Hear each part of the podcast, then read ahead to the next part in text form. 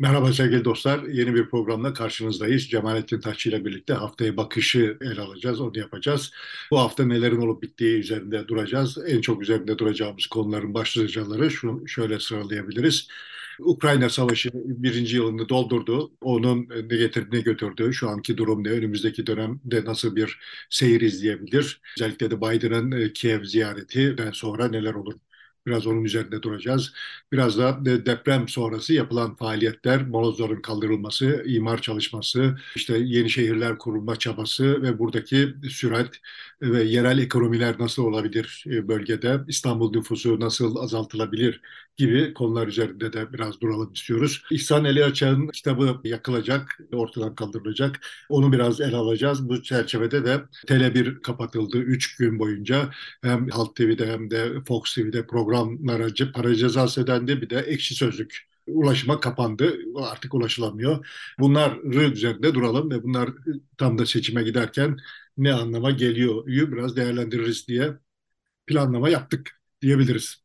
Evet, dışarıdan mı başlayalım, içeriden mi? Dışarıdan başlayalım yani sonuçta her halükarda esas olarak en mühim mevzu o yani. Bir yıl önce biz bir şok Yaşadık. hali, bir savaş yaşadık ve işte iki gün içinde Kiev'e girilecek, 48 saat içinde Kiev'e girilecek heyecan yaşayanlar vardı. Eyvah Rusya Putin bir zafer kazanacak diye korkanlar vardı. Ve işte yani vadeler çok kısaydı. Hatırlıyoruz değil mi yani? Tabii tabii.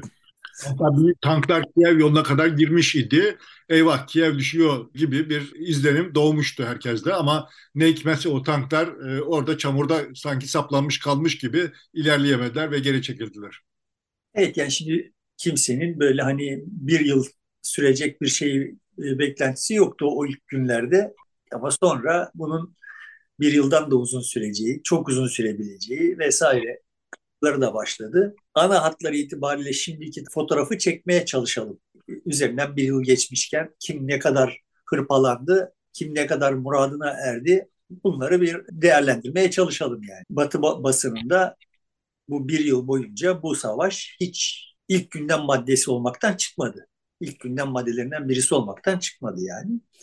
Bizde ama yavaş yavaş olay bizim rol aldığımız durumlar dışında unutmaya terk edildi. Halbuki dünyanın yeniden şekillenmesine çok tayin edici bir şey, bir eşik olduğunu düşünüyorum ve herkes bildiğim kadarıyla herkes zaten öyle düşünüyor yani. Yani ABD, Çin ve Rusya gibi büyük devler ve bir de Avrupa Birliği bu mesele üzerinde sürekli mesai harcıyorlar ve birbirleriyle bilek güreştiriyorlar. Evet yani burada şimdi geçtiğimiz hafta Çin anladığım kadarıyla e, kendisine yönelik batı kaynaklı presi de yani iki taraftan da hani Çin'i kendi tarafına çekmek konusundaki terazini kendi kefelerine bastıracak şekilde bir şey yapmasını zorlayacak şekilde Çin'e yapılan baskılara karşı Çin anladığım kadarıyla işte kendi nötr pozisyonunu olabildiği kadar nötr pozisyonunu deklare etti diye geçtiğimiz hafta içinde. Yani savaşın birinci yılı dolarken Çin olaya beni karıştırmayın, inin çıkın ama beni dövmeyin edasıyla bir tutum aldı gibi geliyor bana.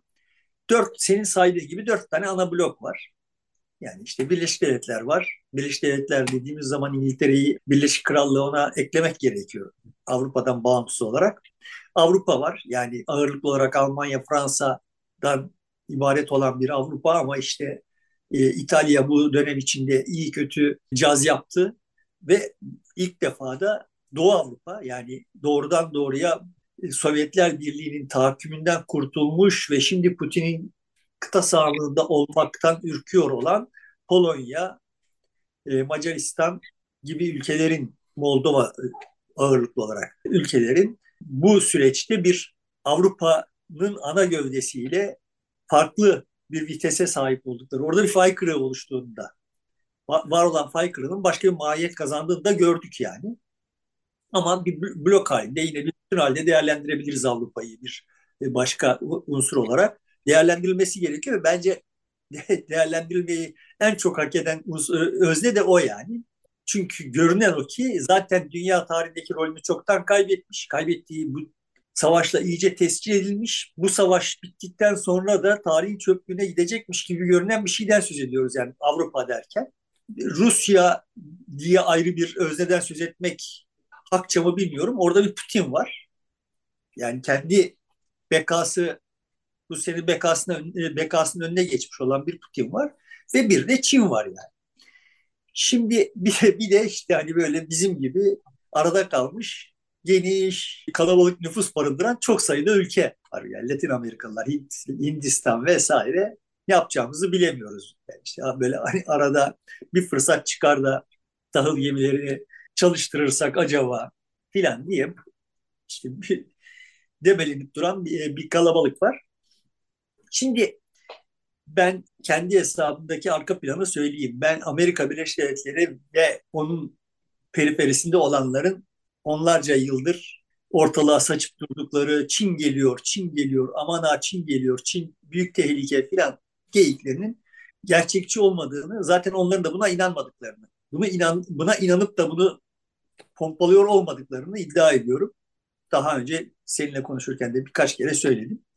Çin'i çok önemsediklerini düşünmüyorum ama Rusya'yı da çok önemsediklerini düşünüyorum. Yani Rusya'nın da böyle işte ileride ciddi bir tehdit olacağı kaygısıyla Rusya'yı düşmanlaştırıp şeytanlaştırıp sonra da işte böyle bir işe kalkıştıklarını düşünmüyorum. Ama Batı'nın kendi iç konsolidasyonunu sağlayabilmesi için bir düşmana ihtiyaç var. Bu düşmanın Çin olması durumunda mevcut şartlarda e, olayın varabileceği noktadan ürktükleri için Rusya'yı kışkırttıklarını yani öteki olarak, şeytan olarak Rusya'yı konumlayarak daha emniyetli bir oyuna giriştiklerini, kendileri açısından daha emniyetli bir oyuna giriştiklerini düşünüyorum. Ve ama onların hesaplarını çok da tutmadığını.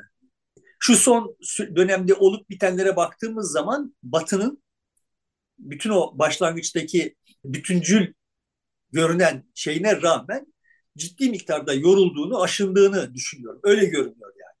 Yani bu onların... her, her şeye rağmen bir derlenme, toparlanma kendi aralarında oldu. Birlikte hareket etmeyi hala sürdürüyorlar. Ee, nazlanarak da olsa e, desteği sürdürüyorlar Ukrayna'ya. Hem parasal hem de e, silah olarak. Evet, keyifsizler. Ne zaman sabırları tükenecek diye de bir beklenti içerisinde. Evet yani şimdi bir arada davranıyorlar falan filan ama işte arada çatlak sesler çıkıyor. Çıkması normaldir de ama fazla benim beklediğime kıyasla muhtemelen Birleşik Devletler'de bu işi kotarmış olanların beklediğine kıyasla da fazla çatlak ses çıkıyor gibi görünüyor ve bu çok sürdürülebilirmiş gibi görünmüyor. Yani işte böyle mesela Almanya'nın başında Merkel olsaydı bu plan tutmayabilirdi gibi bir duyguya kapıldım ben. Yani Merkel hop ne oluyoruz ya diyebilirdi bu bir safhada. Çünkü çok kötü ketenpereye getirdiler yani Anglo-Saksonlar Almanya'yı ve Fransa'yı çok kötü ketenpereye getirdiler. Fransa yine daha derli toplu bir pozisyonda ama Almanya kötü yakalandı yani. Gibi görünüyor bana. Ama işin öteki tarafına baktığımız zaman Putin'in de başlangıçtaki öngörülerinin yani hani 20, 48 saatte Kiev'e girmekten söz etmiyorum. Yani Batı'nın böyle bir operasyonu bir sene boyunca böyle işte ve bu kadar e, kaynak aktararak sürdürebileceğini tahmin etmediğini görüyoruz. Düşünüyorum. Onun da yorulduğunu düşünüyorum yani. Şimdi dolayısıyla hani buradaki Çin'in tutumu bana çok e, makul görünüyor. Yani, yani tamam birbirinizi dövün, beni karıştırmayın. İkiniz de biraz daha hırpalanın ama hani benim pazarım olmaktan da çıkmayın. Yani ben hani bu hengameden çıktığımızda yine size mal satacağım dolar alacağım. Do, elinize dolarlarınız kalsın hepsini de bu işe harcamayın gibi bir e, durumu var. O da kendi problemleriyle boğuşuyor biliyorsun yani ve bu kendi problemlerini aştığı zaman da alıştığı dünyayı daha doğrusu hani planladığı dünyayı kendi üzerine planlar kurduğu dünyayı bulamayacak. Bunun kaygısı da görünüyor yani Çin'de. Çin Komünist Partisi'nin işte güvenlikten sorumlu, dış güvenlikten sorumlu e, kişisi önce Münih konferansına katıldı. Bu Avrupa'nın bir araya gelip işte güvenliği geleceği konuştuğu her yıl yapılan şey. Oradan da Moskova'ya gitti, Putin'le görüştü. Yani tam da dediğin gibi iki tarafa da bir şeyler vermeye ve durumu kendi lehine çevirmeye çalışıyor. Ya da en azından kendisine gelecek zararı minimize etmeye çalışıyor. İşte şimdi Çin ve Rusya gibi ülkelerin temel sıkıntısı şurada. Yani Çin batılı ülkelerden çok daha nasıl diyeyim sızdırmaz planlar yapabilir.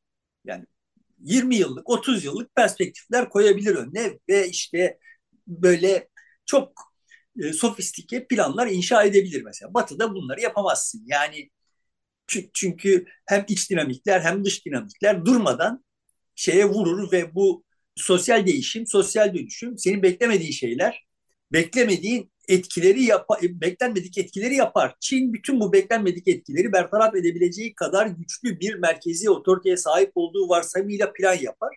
Sorun ya Putin de Erdoğan da öyle öyle şeyler yapabiliyorlar yani. Sorun şu. o planlar uymuyor yani işte. Sonuçta orada bir savaş çıkıyor. Burada bir Covid çıkıyor.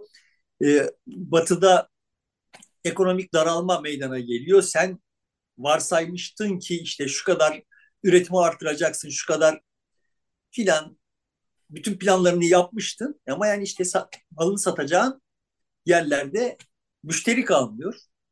Yani işte Covid sırasında konteyner yoktu. Şimdi de müşteri müşteri yok filan.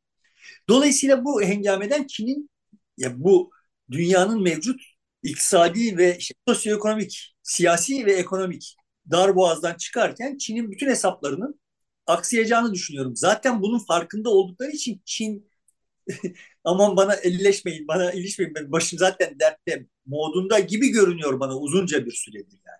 Ama işte hani onların bahtına şöyle bir şey düşmüş oldu. Son, sonuçta işte hem Rusya'nın hem Batı'nın bu süreçte kendileriyle Çin'le uğraşamayacak kadar başka bir dert çıkartmış olmaları kendi aralarında e, bir avantaj olarak görüyor da olabilirler. Ama asıl bence üzerine konuşulmaya değer özne Avrupa. Şimdi Avrupa ben çok yurt dışı tecrübem yok. Çok da sevmem yani yurt dışına çıkmayı. Ama yurt dışına çıktığımda gittiğim yerler hep Avrupa. Bir, bir kere sadece Amerika kıtasına geçtim. Bir, bir daha da zaten o kadar uzun yolculuğu göze alamam herhalde. Sonuçta benim Avrupa'da gördüğüm bize Avrupa diye anlatılan işte dünyanın modernleşmesinin filizlendiği, sonra da işte serpilip büyüdüğü, çınar haline geldiği yer olan Avrupa ya hiç andırmıyorum benim gezip gördüğüm Avrupa. Yani Almanya'nın birkaç yerini gördüm, Barcelona'yı gördüm, Roma'yı gördüm filan.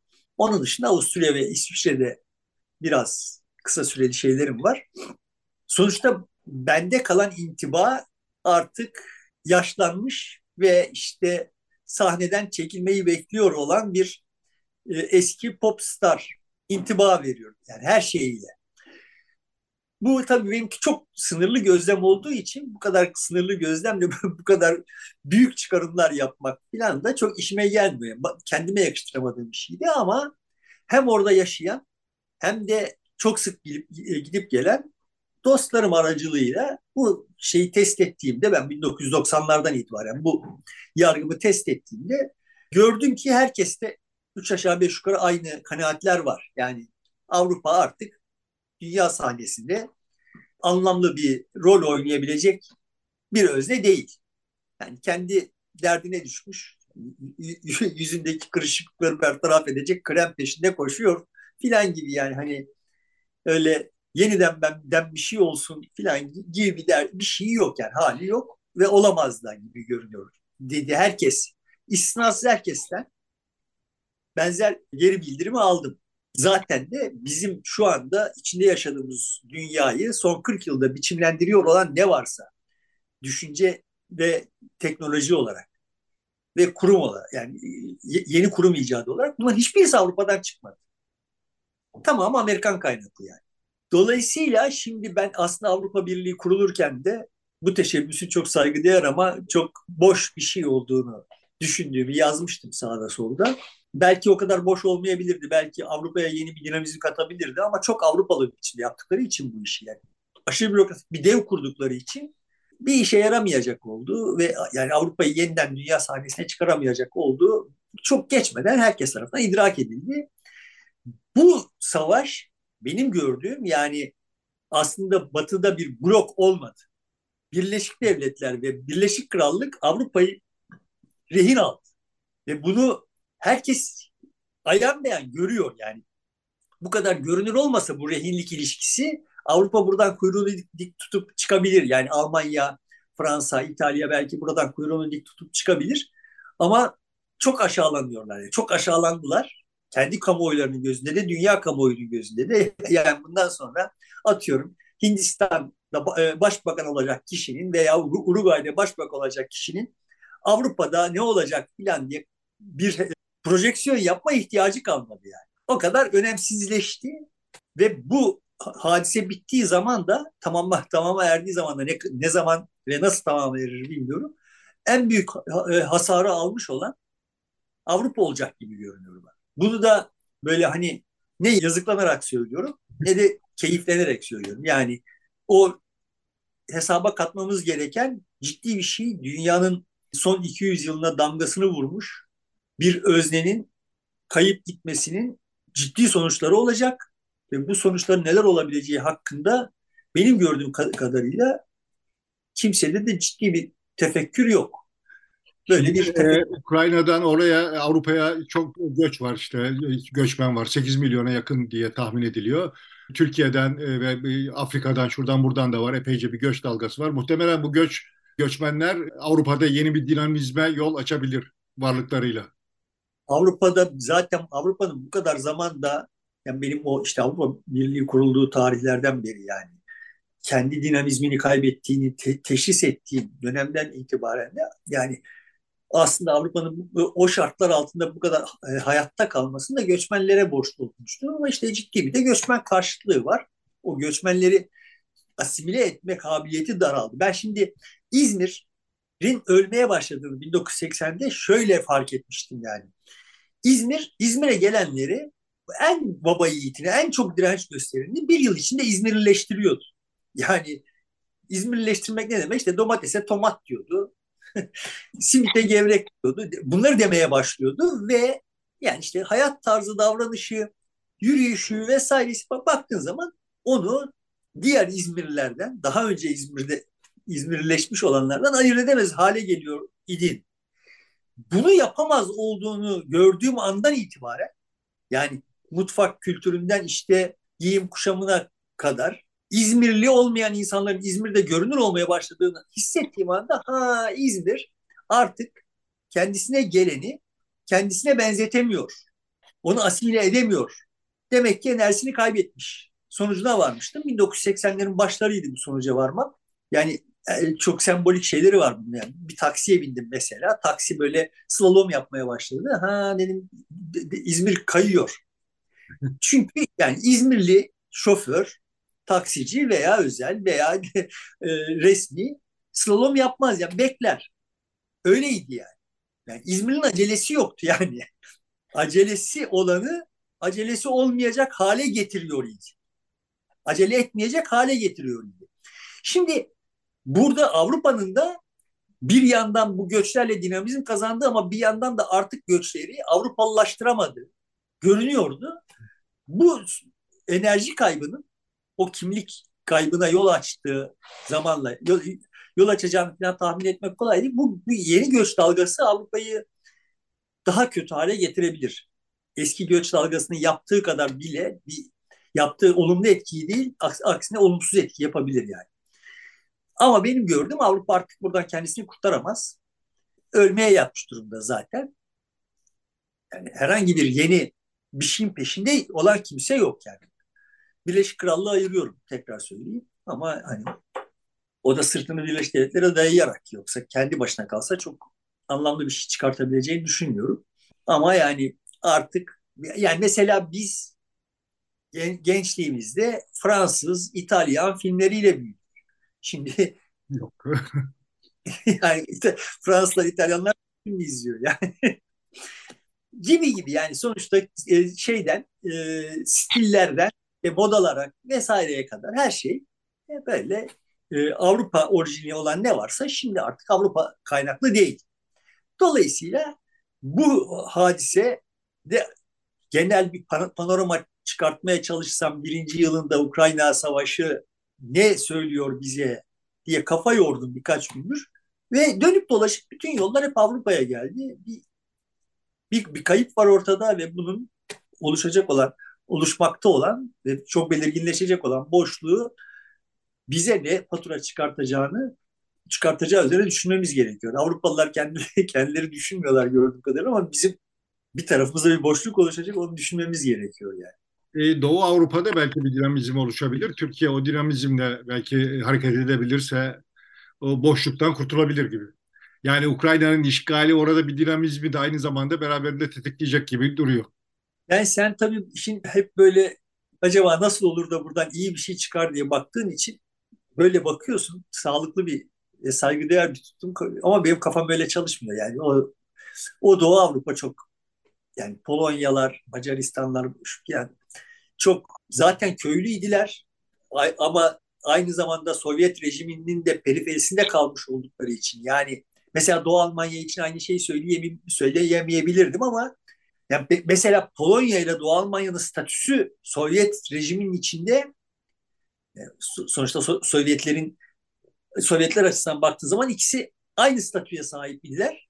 Olmaları gerekiyordu ama öyle değildi. Yani Polonyalılar yine köylü olarak kaldılar.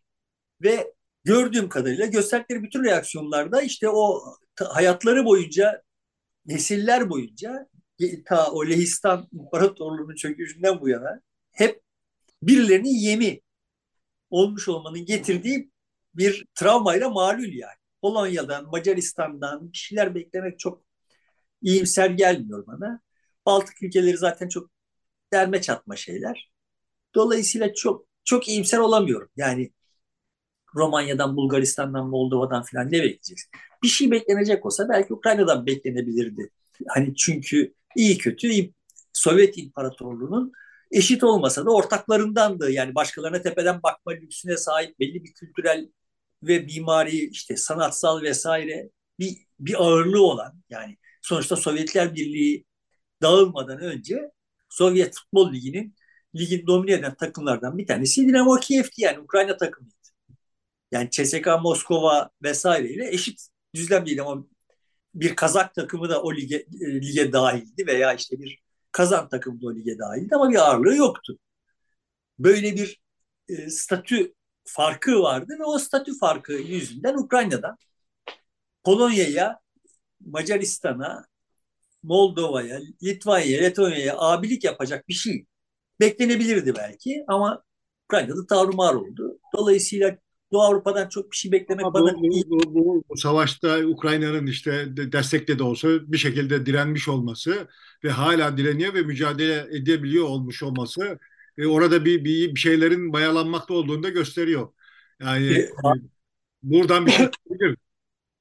Yani ona şüphem yok da yani bir Ukrayna kendi başına bu kadar da savaşta tarumar olduktan sonra nasıl olacak da koskoca Avrupa'nın dinamizmini etkileyecek bir ya Avrupa kendisi... o, bu tam yıkıldıktan sonra yeniden inşa süreci e, o dinamizmle birlikte birleşip belki de Avrupa'nın yeniden e, dönüşümüne de bir katkı sağlayabilir. Benimkiler biraz yine... tam hayal. Hadi bakayım. Sen yine böyle ol, olabilirlikler üzerine kafa yor. Bende kalan intiba Avrupa'yı artık kimse ayağa kaldıramaz. Zaten kimsenin ayağa kaldırmaya çalıştığı da yok. Buna niyetli olan özne de yok yani. Hani bırakın kendi halimize kardeşim bizi buraya göç etmeyin. Biz kendi kendimize şurada son günlerimizi... aslında lidersiz diyebiliriz yani. Yani Amerika'da kendi içerisinde pek çok problemle karşı karşıya. İngiltere de aynı şekilde büyük sorunlar yaşıyor. Ee, işte grevinden başka bir yerine kadar. Dolayısıyla Çin e, aynı şekilde iç problem var. Rusya da öyle. Dünyada hani bir değişime önderlik edebilecek, yeni trendler oluşturabilecek bir merkez kalmamış gibi de gözüküyor bir yandan bakınca. Benim gözüm yaklaşık olarak 40 yıldır giderek artan bir şeyle Hindistan'da yani. Bir şey çıkacaksa Hindistan'dan çıkacak gibi bir nasıl diyeyim sezgi sezgim var. Kendi iç problemleri açısından baktığın zaman her yerden fazla iç problemi var yani Hindistan. Mesele iç problemleri olması değil. İç dinamizmi yok yani. Sonuçta problemlerin olur. O problemleri aşmak için gösterdiğin çaba yani e, bizim yani modernliğin hikayesini anlatmaya çalıştık yani Avrupa en problemli olduğu dönemde tarihi boyunca en çok problem yaşadığı dönemden bir dünya modernleşmesi, dünyaya bir modernleşme, işte bir aydınlanma ile birlikte başlayan bir şey çıkardı yani. Yani o o süreç neresinden baksan yaşanan savaşlar, o savaşların kıyıcılığı, işte e, iklim değişiklikleri, nüfus, demografik değişiklikler açısından baktığınız zaman en paradoksal dönem yani. Ama işte oradan bir şey çıktı. Neden çıktı? Yani aynı paradokslar Osmanlı İmparatorluğu'nu çökertti. Neden çökertti? Çünkü işte eskisini korumaya çalışmak yani defansif davrandığı için çöktü. Avrupa problemlerini geriye dönerek değil, ileriye kaçarak çözmeye çalıştığı için yani öyle özneleri olduğu için Avrupa'nın içinde de tersine çok özne vardı.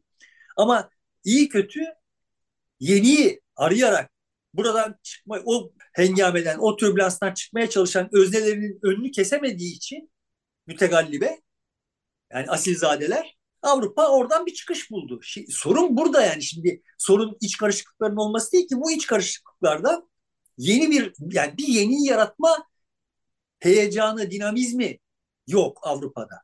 Yani Ama Amerika bu geçmişe göre biraz daha farklı olacağı hep söylenip duruyor ya teknolojinin getirdiği bir e, değişimle. Bu teknolojik dönüşümün hızlanması bambaşka şeyleri de getirebilir. Zaman ve mekanın dışına da taşınabilir pek çok şeyi. Yani beklenmedik yerden beklenmedik yeni şeyler çıkabilir.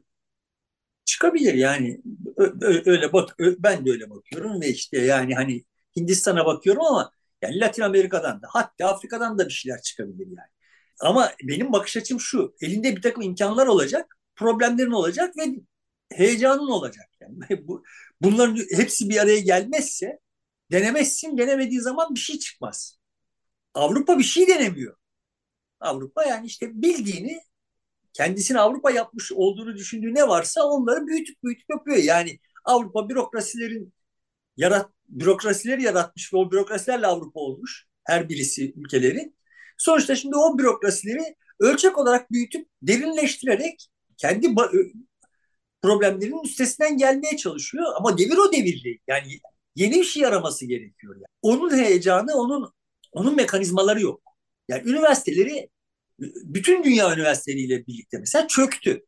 Çünkü evet yani üniversiteler şu şu şu işleri yapmışlardı ama bu tür bütün kurumsal yapılarda olay şöyle olur. Kurum kurulduğunda belli bir enerjiyle bir takım ihtiyaçları karşılar ama zaman içinde kireçlenir belli yerleri. Artık iş yapmaz, iş yapar gibi görünmekle kifayet etmeye başlar. Şimdi dünyanın bütün üniversiteleri böyle. Herhangi birisinden bir şey çıkmıyor yani.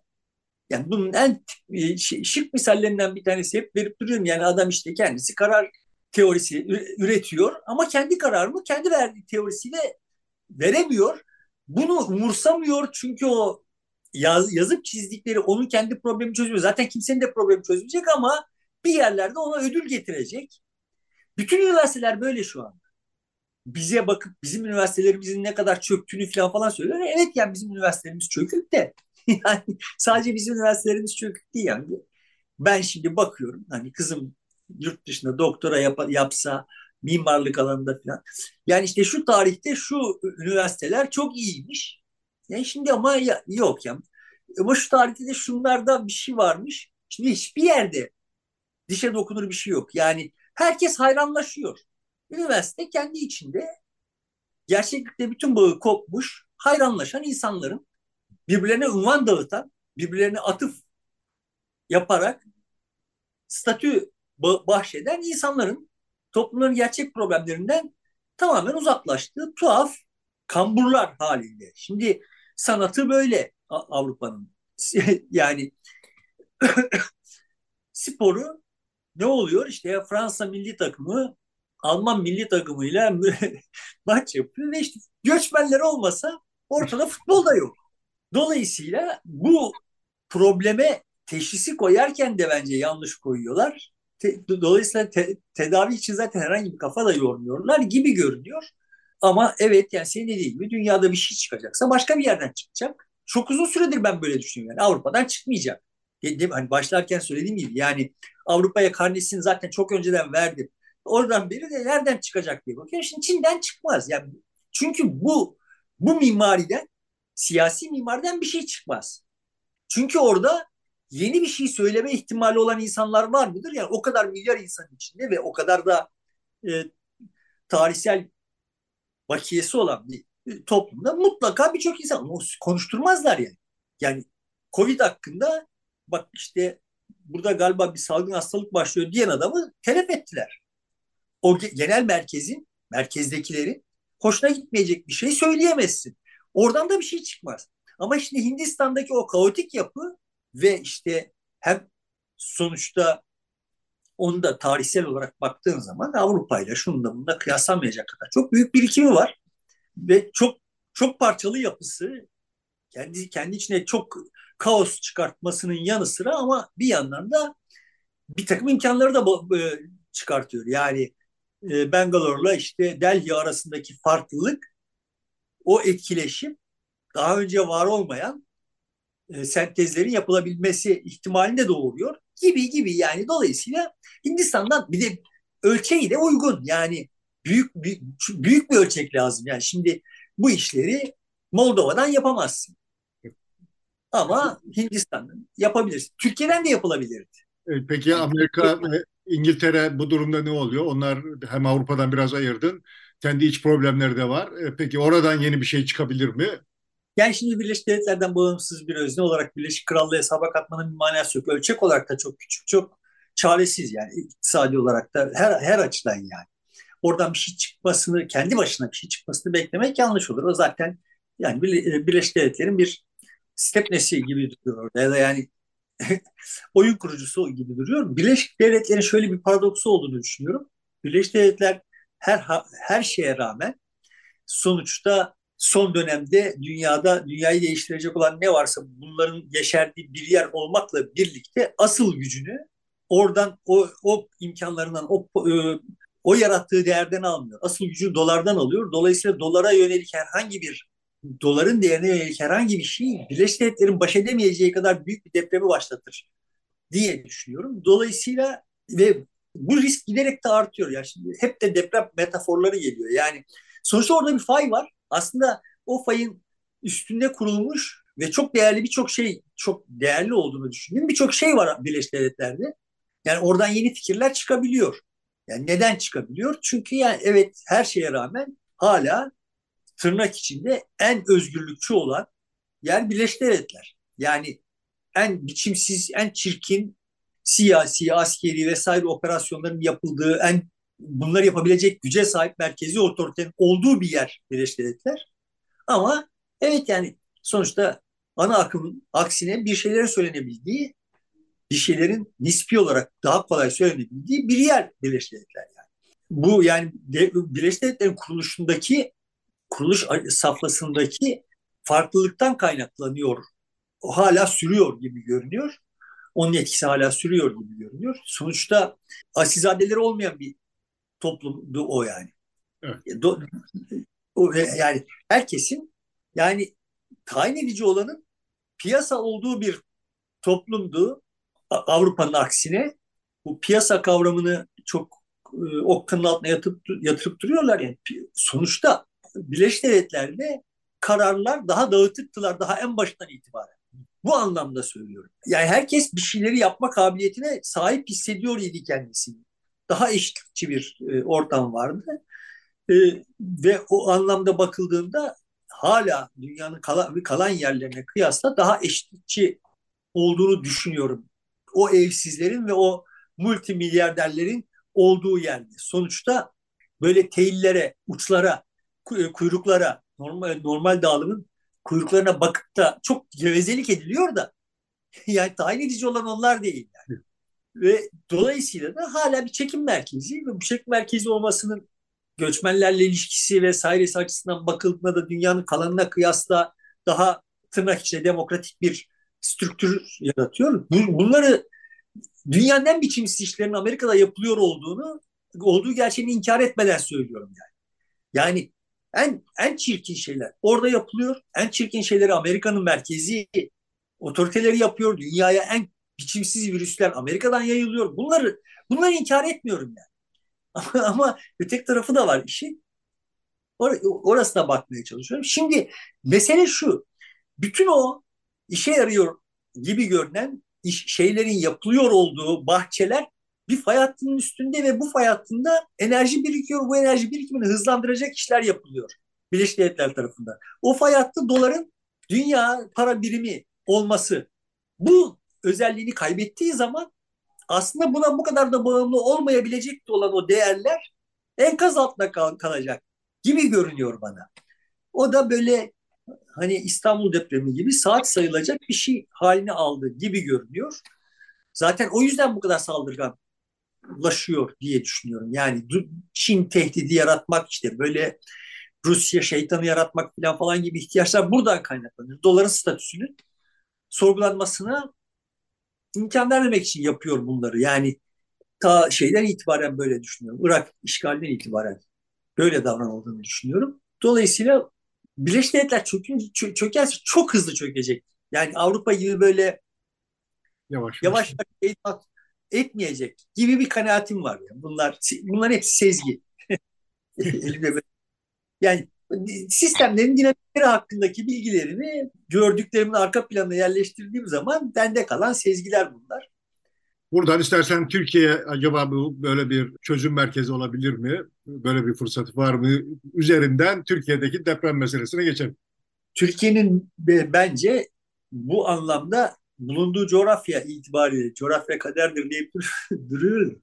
Bulunduğu coğrafya itibariyle işte ölmekte olan bir e, Avrupa, ölme, e, ölmüş bir Sovyetlerin güneyinde dünya sahnesinde yer almaya çok aç bir coğrafya ve nüfus. Üstelik de ciddi bir kültürel birikimi olan bir coğrafya ve, ve nüfus. Şimdi herkes böyle e, aşağılıyor falan falan ama bütün medeniyetin kaynağı işte sonuçta Mısır'dan başla Mezopotamya üzerinden işte bu, bu coğrafyada oldu yani.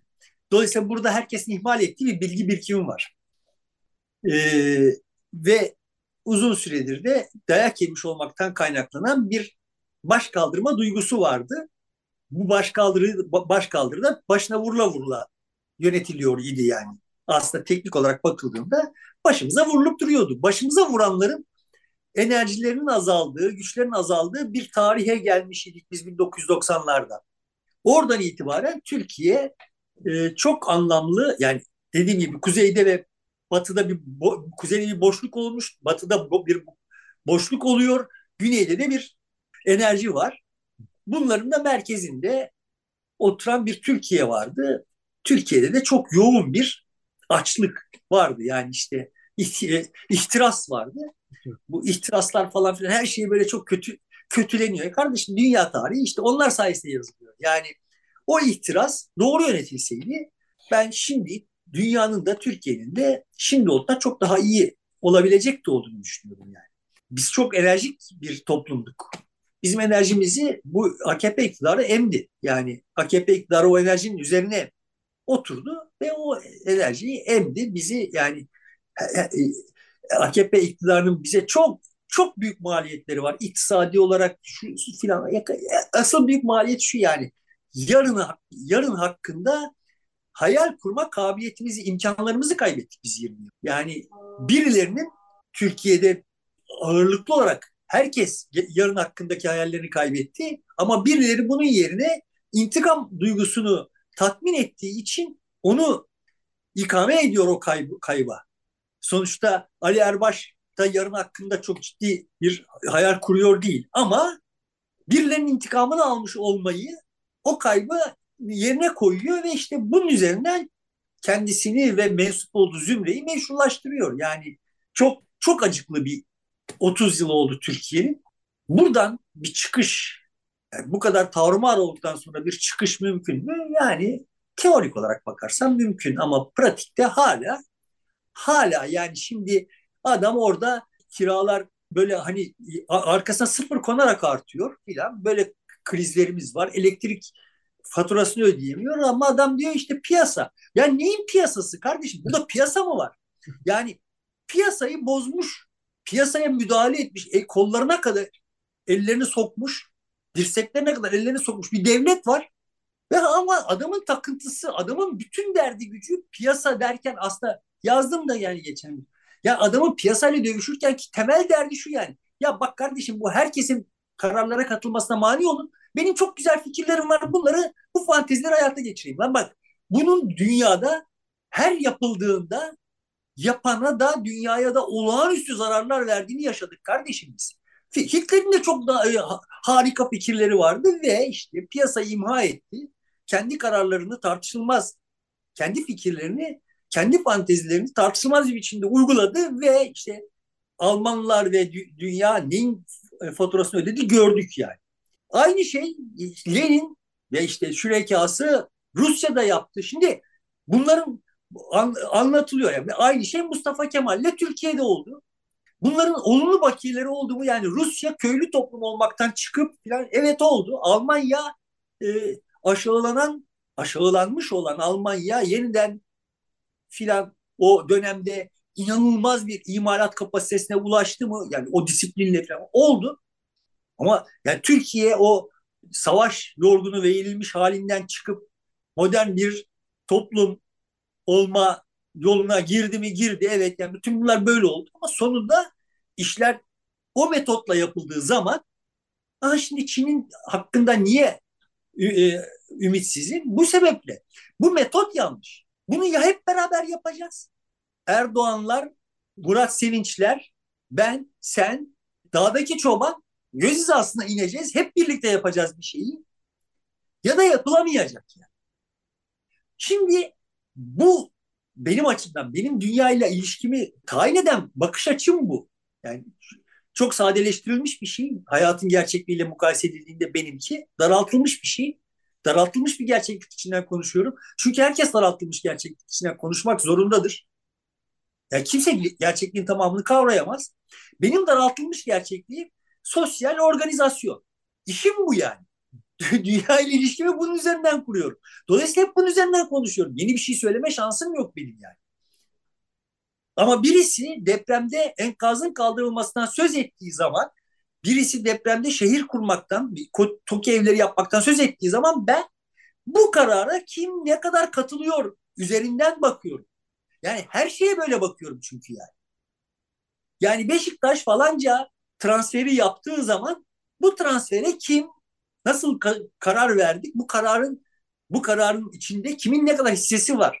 Yani, yani kararı başkan mı verdi? Başkan yardımcısıyla mı verdi? Başkan teknik direktörle beraber mi verdi?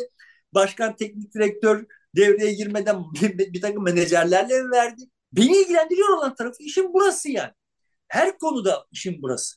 Böyle baktığım zaman Türkiye'de yani şu deprem gösteriyor ki kararlar belirli yerlerde toplandığı için biz her bir şeyin faturasını ağır ödüyoruz.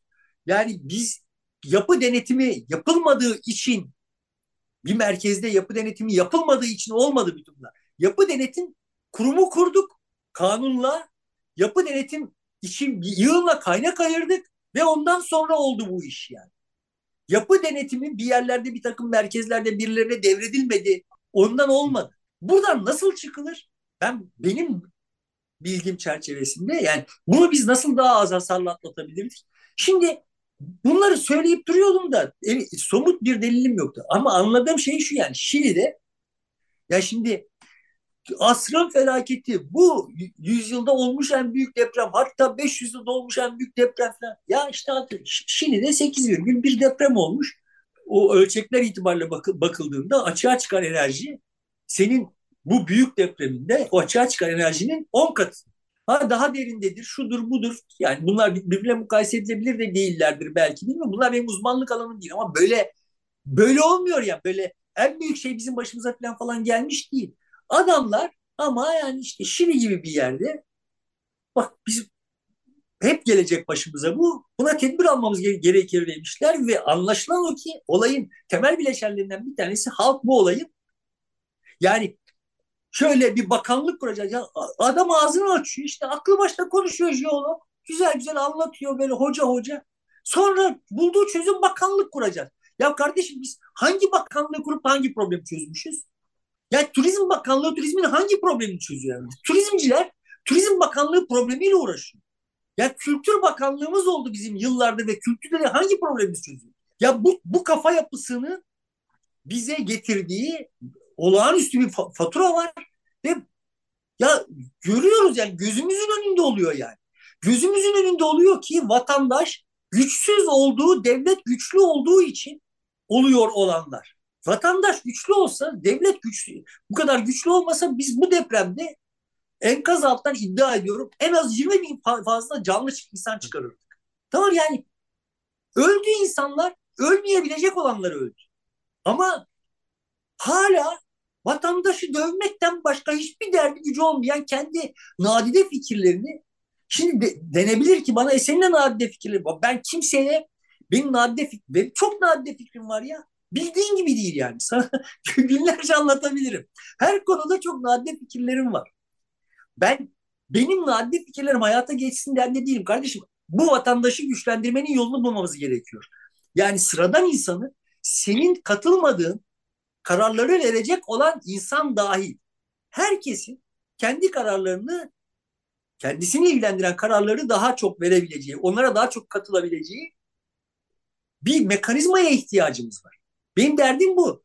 Ben kararı vereyim demiyorum. Kararı benim katılmayacağım insanlar da, kararlarına katılmayacağım insanlar da katılsınlar. Bunun yolunu bulalım.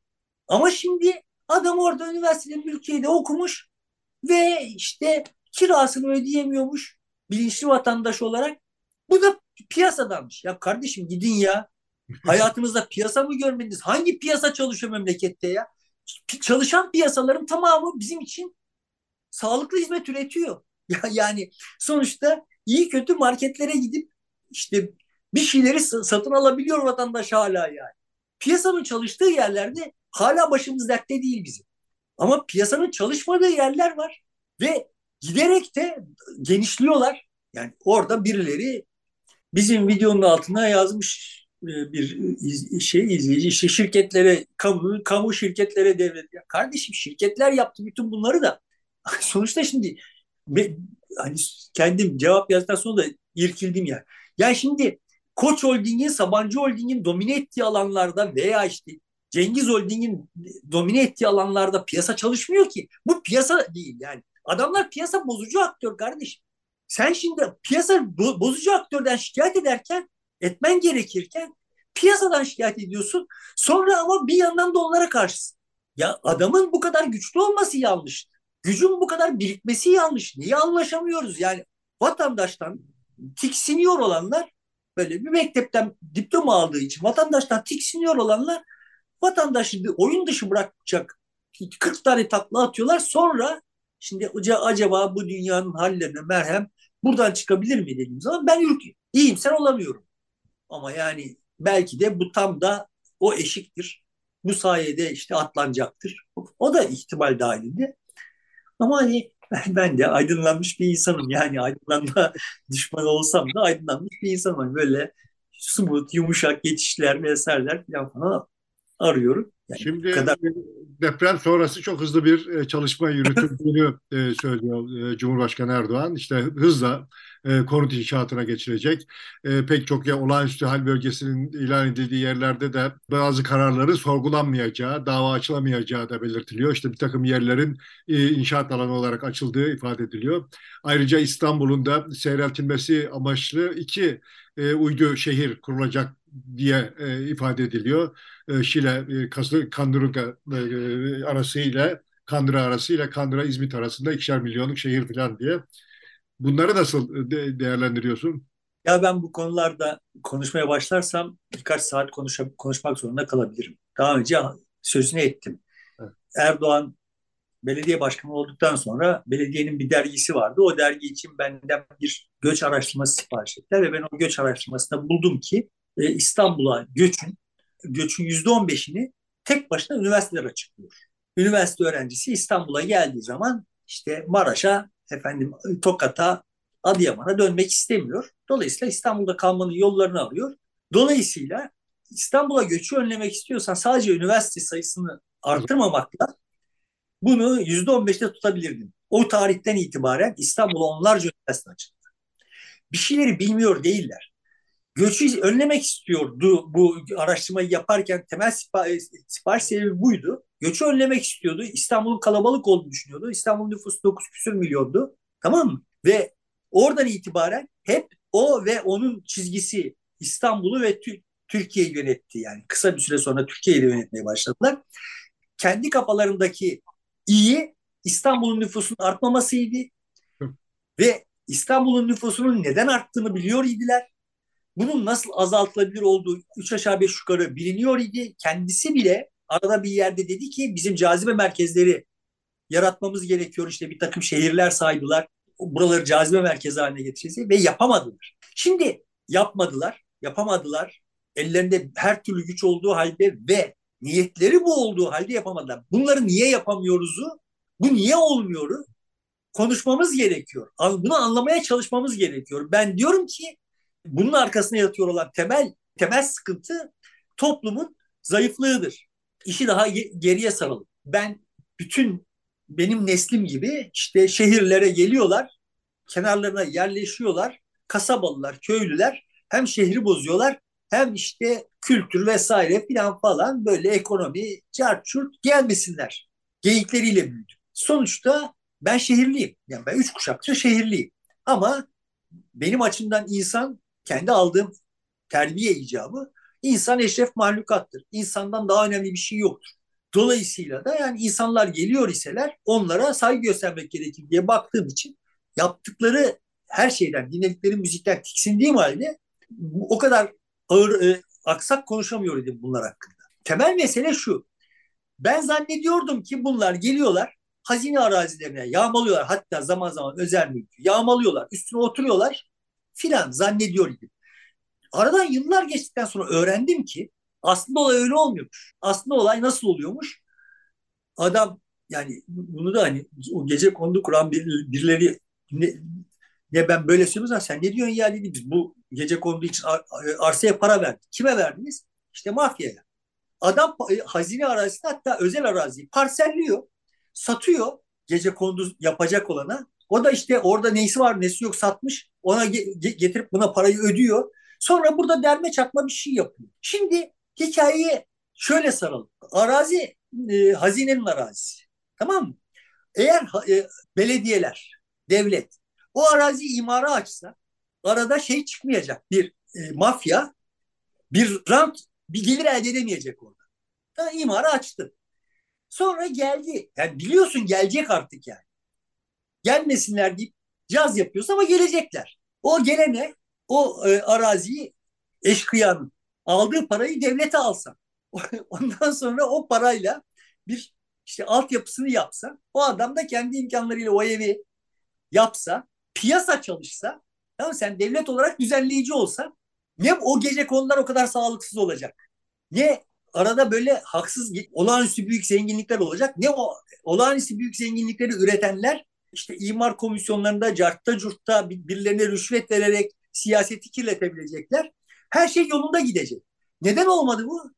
Çünkü okumuş çocuklardan korktu siyasetçiler. Siyasetçiler bu işi akıl etmediler değil. Şimdi demokrasi boktan bir şey çünkü bilmeyen de oy kullanıyor diyen zevzekler bunlar gelmesinler diyorlar.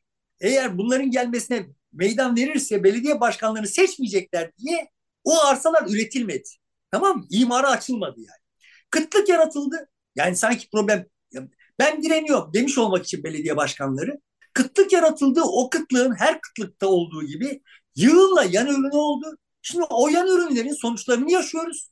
Ve dönüp dolaşıp o köyden gelmiş olan insana fatura çıkarılıyor. Kardeşim bak sen muasırlaşacaksan o adam köyden gelecek. Çünkü tarımın izafi e, getirisi bütün dünyada olduğu gibi Türkiye'de de tarımın izafi getirisi sanayinin kıyasla düşük. Hep düşüktü.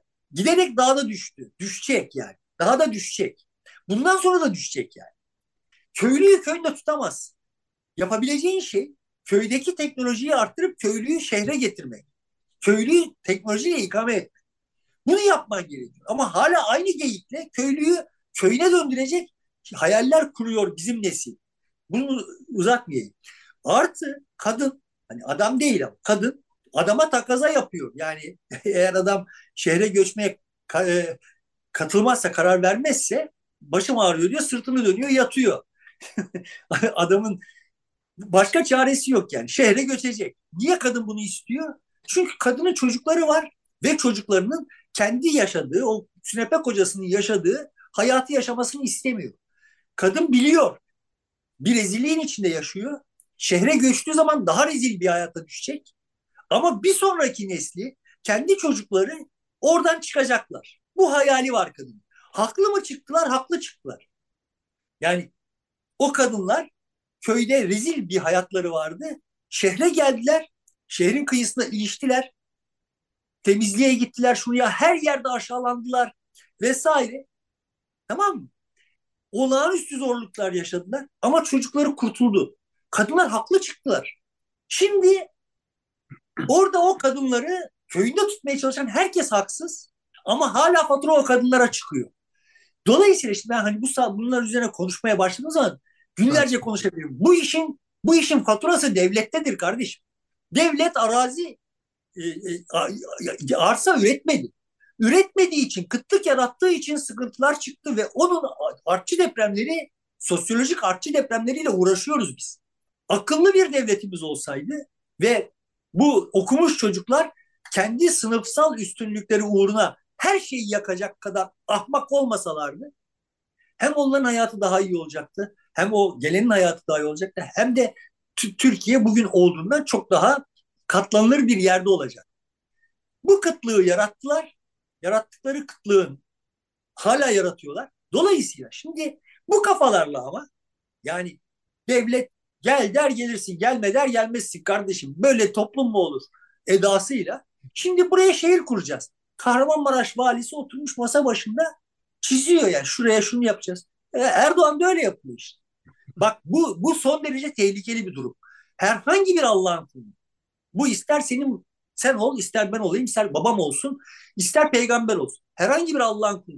Kendi fantezisini gerçekleştirebilecek kadar gücü var senin o Kahramanmaraş valisi gibi ya da şimdi Erdoğan gibi şuraya şu kadar filan falan diye işte buraya da kandır ya da şunu. Kardeşim bu şehir böyle olmaz. Sen ölmekte olan şehirlerinin ölmesini seyret. İzmir öldü ya. İzmir. Yani Bursa'yı zaten öldürdünüz de. Tahammüden öldürdünüz de. İzmir öldü yani. Şimdi İstanbul'a İstanbul'u çok seviyor ya beyefendi.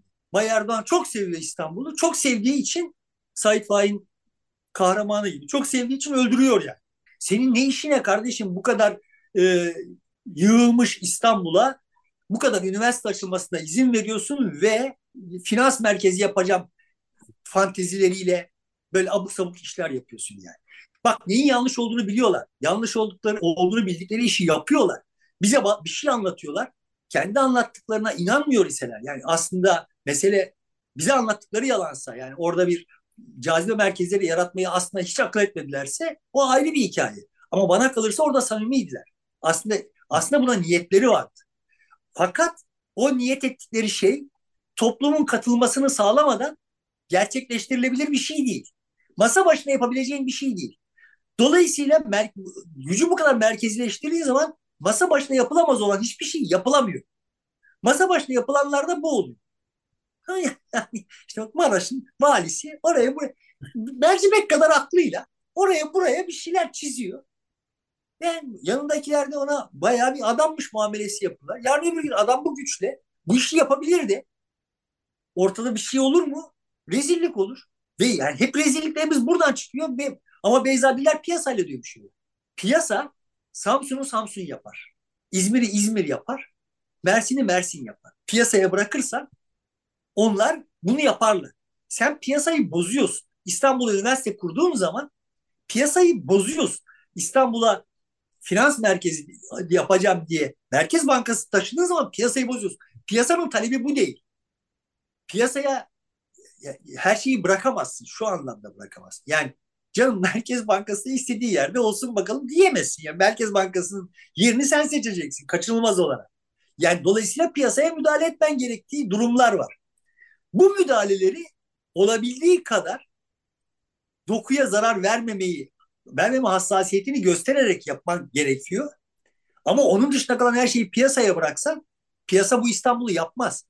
Yapamaz yani. Bu İstanbul reysen temelde merkezde kararlaştırılmış e, kararların sonucu olarak gerçekleşmiş bir şey. Piyasanın ürünü değil yani. Evet, istersen buradan e, bu yasaklara geçelim. Bir ekşi sözlüğün ulaşımı engellendi, kapandı yani. Da Tele1 üç gün kapatıldı. İşte iki televizyonda da iki programa ayrı ayrı ceza verildi. Bir de İhsan Eli Açık'ın yazdığı bir e, kitap var, e, meal kitabı. E, onun e, yakılmasına karar verildi, imhasına. Ekşi Sözlük kapanmadı. Ekşi Sözlüğe erişim engellendi. İşte yani fiilen kapanmış oldu diye erişim engellendi. Doğru. VPN'den giriyor herkes canım. Ekşi Sözlüğe girecek olan.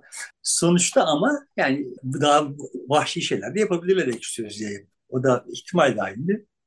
Ama güzel bir pa- paket oldu. Sonuçta böyle bir masanın masada oturan adamlara bu kadar gücü delege edersen, o gücü onlara aktarırsan, bununla mücadele et, etmek dururken böyle sıradan insanların oy vermesiyle piyasayla, cartla, curtla mücadele edersen sonuçta olay böyle olur. Böyle olduğu zaman da evet birileri İslam'ın doğrusunun kendi tekellerinde olduğu vehmiyle eli açın kitabında yakarlar. Bunlar her şeyin doğrusunu bildiklerini düşünüyorlar. Bunların herhangi bir şeyin müzakere etme ihtiyaçları, bunların herhangi bir konuda herhangi birini ikna etme ihtiyaçları yok. Her şeyin doğrusunu biliyorlar. Dolayısıyla sıkıntı burada. Asıl sıkıntı burada yani. Bu senin tam filtrede sorduğun soruya dönüyor. Şimdi bunların bu her şeyi biliyor olduklarından kaçmaya çalıştığımız zaman biz her şeyin doğrusunun bildiğini zanneden başkalarının kucağına düşüyoruz. onlar onlar da İslam'ın doğrusunun ne olduğunu biliyorlar ama onların bildiği İslam bunların bildiği İslam'dan farklı. Tamam yani kardeşim bak tamam siz de var olun siz de var olun tamam mı? Ama böyle her şeyin doğrusunu biliyormuş biliyor olduğunu zannediyor iseniz herhangi bir problemin çözümünün böyle masa başında mühendisçe bulunabilir olduğunu zannediyor iseniz ha sizin biz güç vermeyelim. Yani şimdi bizim ihtiyacımız olan şey bu. Ve buna bu yok ortada. Yani buna böyle bir alternatifimiz yok. Yani bunun en somut misali bak ben herhalde 40. defa falan burada gündeme getiriyorum. Başka yerlerde gündeme getirdiler. Muhtemelen 4000 kere gündeme getirmişimdir yani. Yani Türkiye'nin bir siyasi partiler mevzuatı var ve işte o mevzuat gereği başkanlar seçilmiş kral. Ya görüp duruyoruz ki şimdi yaşıyor olduğumuz bütün sıkıntılar yani şimdi muhaliflerin muhalif kamuoyunun şikayet ettiği sıkıntılar da dahil muhalefetten muhalefete yönelik şikayetleri de dahil hepsi bu genel başkanların aşırı güçleri olmasından kaynaklanıyor. Biz yokuz oyunda. Tamam Ya bir, bir kişi ya bir kişi de bunu gündeme getiriyor mu? Yani sittin senedir biz bunu yaşıyoruz. Ve bu gündeme getirilmiyor. Yani ne gündeme getiriliyor? Oradaki seçmen, buradaki bilmem bürokrat, şuradaki müteahhit filan falan yani. Ya kardeşim bak bizim derdimiz burada ya. Yani bu adamlar bizi dinlemiyorlar bak. Bizi dinlemedikleri için başımız dertte. Ama zaten adam benden benden nefret ediyor yani. Halden nefret ediyor. Tiksiniyor yani. Bu bu memleketin insanından tiksiniyor. Dolayısıyla bunun dinlenmemesi adamın işine geliyor. Ve böyle yukarıdan yukarıdan konuşuyor. Tamam mı? Asıl problemi o saklıyor yani. Dolayısıyla şimdi böyle bir musibet vardı başımızda. Aha bu musibet böyle halden kaçırılmış bir iktidar vardı. Bu iktidarı bir gün gelip birileri çalacaktı, çaldılar. Şimdi böyle fantezilerini gerçekleştiriyorlar. Adam bizim yüzüm, yüzümüze gözümüze baka baka Kabataş yalanını belki 20 kere söyledi. Yalan söylüyor yani. Kendi biliyor. Biz biliyoruz. Yalan söylediğini bildiğimizi biliyor. Yalan söylüyor. Sonra orada birisi yalan söylüyormuş diye ağza alınmayacak lafları söylüyor. Yani şimdi hani Orkun'u kızıyor sonra yani. Kardeşim bak bunlar hep vardılar dediğim zaman. Vardılar bunların hepsi. Tabii ama evet bir şeyler de değişti yani. Yani biz sonuçta bizim yüzümüze gözümüze baka baka bize söven bir cumhurbaşkanını görmemiştik. Evren bile yapmadı bunu ya. Evet yapmadı. Biz yaşadık onu. Doğru. Ha, bize ders verdi öğretmen o kıt aklıyla asker aklıyla her konuda bize dersler verdi. Yani Müslümanlık da dahil her şeyi şehircilik de dahil her şeyi öğretti yani. Ama bize söylemedi kardeş. Ya bu bu evet klinik bir vaka. Ama bak bunların tamamının ben de işaret etmeye çalıştığım şey yani Orkun kusura bakmasın. Bunların tamamının zihinsel kodu aynı. Bu sadece üslupsuz biri. Aradaki fark bu yani. Daha göreceğimiz günler var. Daha çekeceğimiz acılar var yani. Peki sevgili dostlar burada bitiriyoruz. Biraz hızlı bitirdik. Yeniden görüşmek üzere. Şimdilik hoşçakalın.